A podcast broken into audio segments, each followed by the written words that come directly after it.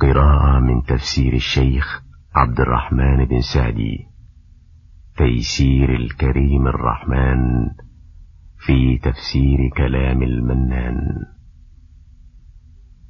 تقديم الشيخ محمد العرفج. أعوذ بالله من الشيطان الرجيم. فلا أقسم بالخنس الجوار الكنس والليل إذا عسعس والصبح إذا تنفس إنه لقول رسول كريم ذي قوة عند ذي العرش مكين مطاع ثم أمين وما صاحبكم بمجنون ولقد رآه بالأفق المبين وما هو على الغيب بضنين وما هو بقول شيطان رجيم فأين تذهبون إن هو إلا ذكر للعالمين لمن شاء منكم أن يستقيم وما تشاءون إلا أن يشاء الله رب العالمين. بسم الله الرحمن الرحيم. السلام عليكم ورحمة الله وبركاته. يقول الله سبحانه فلا أقسم بالخنس الجوار الكنس والليل إذا عسعس والصبح إذا تنفس. الآيات. أقسم تعالى بالخنس وهي من الكواكب التي تخنس أي تتأخر عن سير الكواكب المعتاد إلى جهة المشرق. وهي النجوم السبعة السيارة الشمس والقمر والزهرة والمشتري والمريخ وزحل وعطارد فهذه السبعة لها سيران. سير إلى جهة المغرب مع سائر الكواكب والفلك وسير معاكس لهذا من جهة المشرق تختص به هذه السبعة دون غيرها فأقسم الله بها في حال خنوسها أي تأخرها وفي حال جريانها وفي حال كنوسها أي استتارها بالنهار. ويحتمل أن مراد بها جميع الكواكب السيارة وغيرها والليل إذا عسعس أي أقبل وقيل أدبر. والنهار إذا تنفس أي بدت علائم الصبح وانشق النور شيئا فشيئا حتى يستكمل وتطلع الشمس. وهذه آيات عظام أقسم الله عليها لقوة سند القرآن وجلالته وحفظه من كل شيطان رجيم فقال إنه لقول رسول كريم. وهو جبريل عليه السلام نزل به من الله تعالى كما قال تعالى وإنه لتنزيل رب العالمين نزل به الروح الأمين على قلبك لتكون من المنذرين.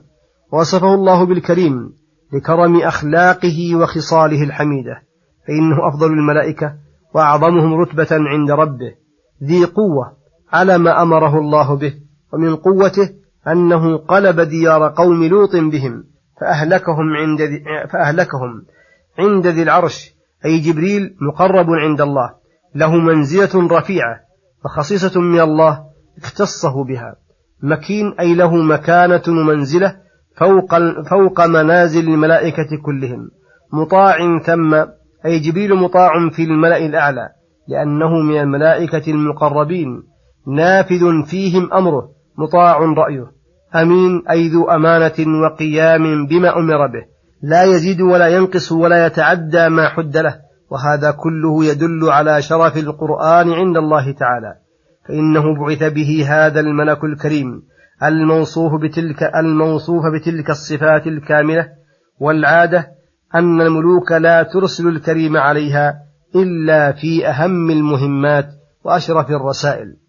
ولما ذكر فضل الرسول الملكي الذي جاء, به جاء بالقرآن ذكر فضل الرسول البشري الذي نزل عليه القرآن ودعا إليه الناس فقال وما صاحبكم؟ وهو محمد صلى الله عليه وسلم بمجنون كما يقوله أعداؤه المكذبون برسالته المتقولون عليه الأقوال التي يريدون أن يطفئوا بها ما جاء به بل هو أكمل الناس عقلا وأجزلهم رأيا وأصدقهم لهجة ولقد رآه بالأفق المبين أي رأى محمد صلى الله عليه وسلم جبريل عليه السلام بالأفق البين الذي هو أعلى ما يلوح للبصر وما هو على الغيب بضنين أي وما هو على ما أوحاه الله إليه بشحيح يكتم بعضه بل هو صلى الله عليه وسلم أمين أهل السماء وأهل الأرض الذي بلغ رسالات ربه البلاغ المبين فلم يشح بشيء منه عن غني ولا فقير ولا رئيس ولا مرؤوس ولا ذكر ولا أنثى ولا حضري ولا بدوي. ولذلك بعثه الله في أمة أمية جاهلة جهلاء فلم يمت صلى الله عليه وسلم حتى كانوا علماء ربانيين وأحبارا متفرسين.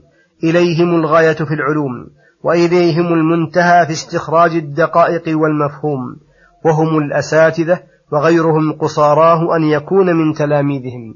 وما هو بقول شيطان رجيم لما ذكر جلالة كتابه وفضله بذكر الرسولين الكريمين اللذين وصل إلى الناس على أيديهما وأثنى الله عليهما بما أثنى دفع عنه كل آفة ونقص مما يقدح في صدقه فقال وما هو بقول شيطان رجيم أي في غاية البعد عن الله وعن قربه. فأين تذهبون؟ أي كيف يخطر هذا ببالكم؟ وأين عزبت عنكم أذهانكم حتى جعلتم الحق الذي هو في أعلى درجات الصدق بمنزلة الكذب الذي هو أنزل ما يكون وأرذل وأسفل الباطل؟ هل هذا إلا من انقلاب الحقائق؟ إن هو إلا ذكر للعالمين يتذكرون به ربهم وما له من صفات الكمال. وما ينزه عنه من النقائص والرذائل والأمثال يتذكرون به الأوامر والنواهي وحكمها ويتذكرون به الأحكام القدرية والشرعية والجزائية. وبالجملة يتذكرون به مصالح الدارين وينالون بالعمل به السعادتين لمن شاء منكم أن يستقيم بعدما تبين رشد من الغي والهدى من الضلال. وما تشاءون إلا أن يشاء الله رب العالمين. أي فمشيئته نافذة لا يمكن أن تعارض أو تمانع. وفي هذه الآية وأمثالها رد على فرقتي القدرية النفاة والقدرية المجبرة. كما تقدم أمثالها والله أعلم. والحمد لله وصلى الله وسلم على نبينا محمد وعلى آله وصحبه أجمعين. وإلى الحلقة القادمة غدا إن شاء الله. والسلام عليكم ورحمة الله وبركاته.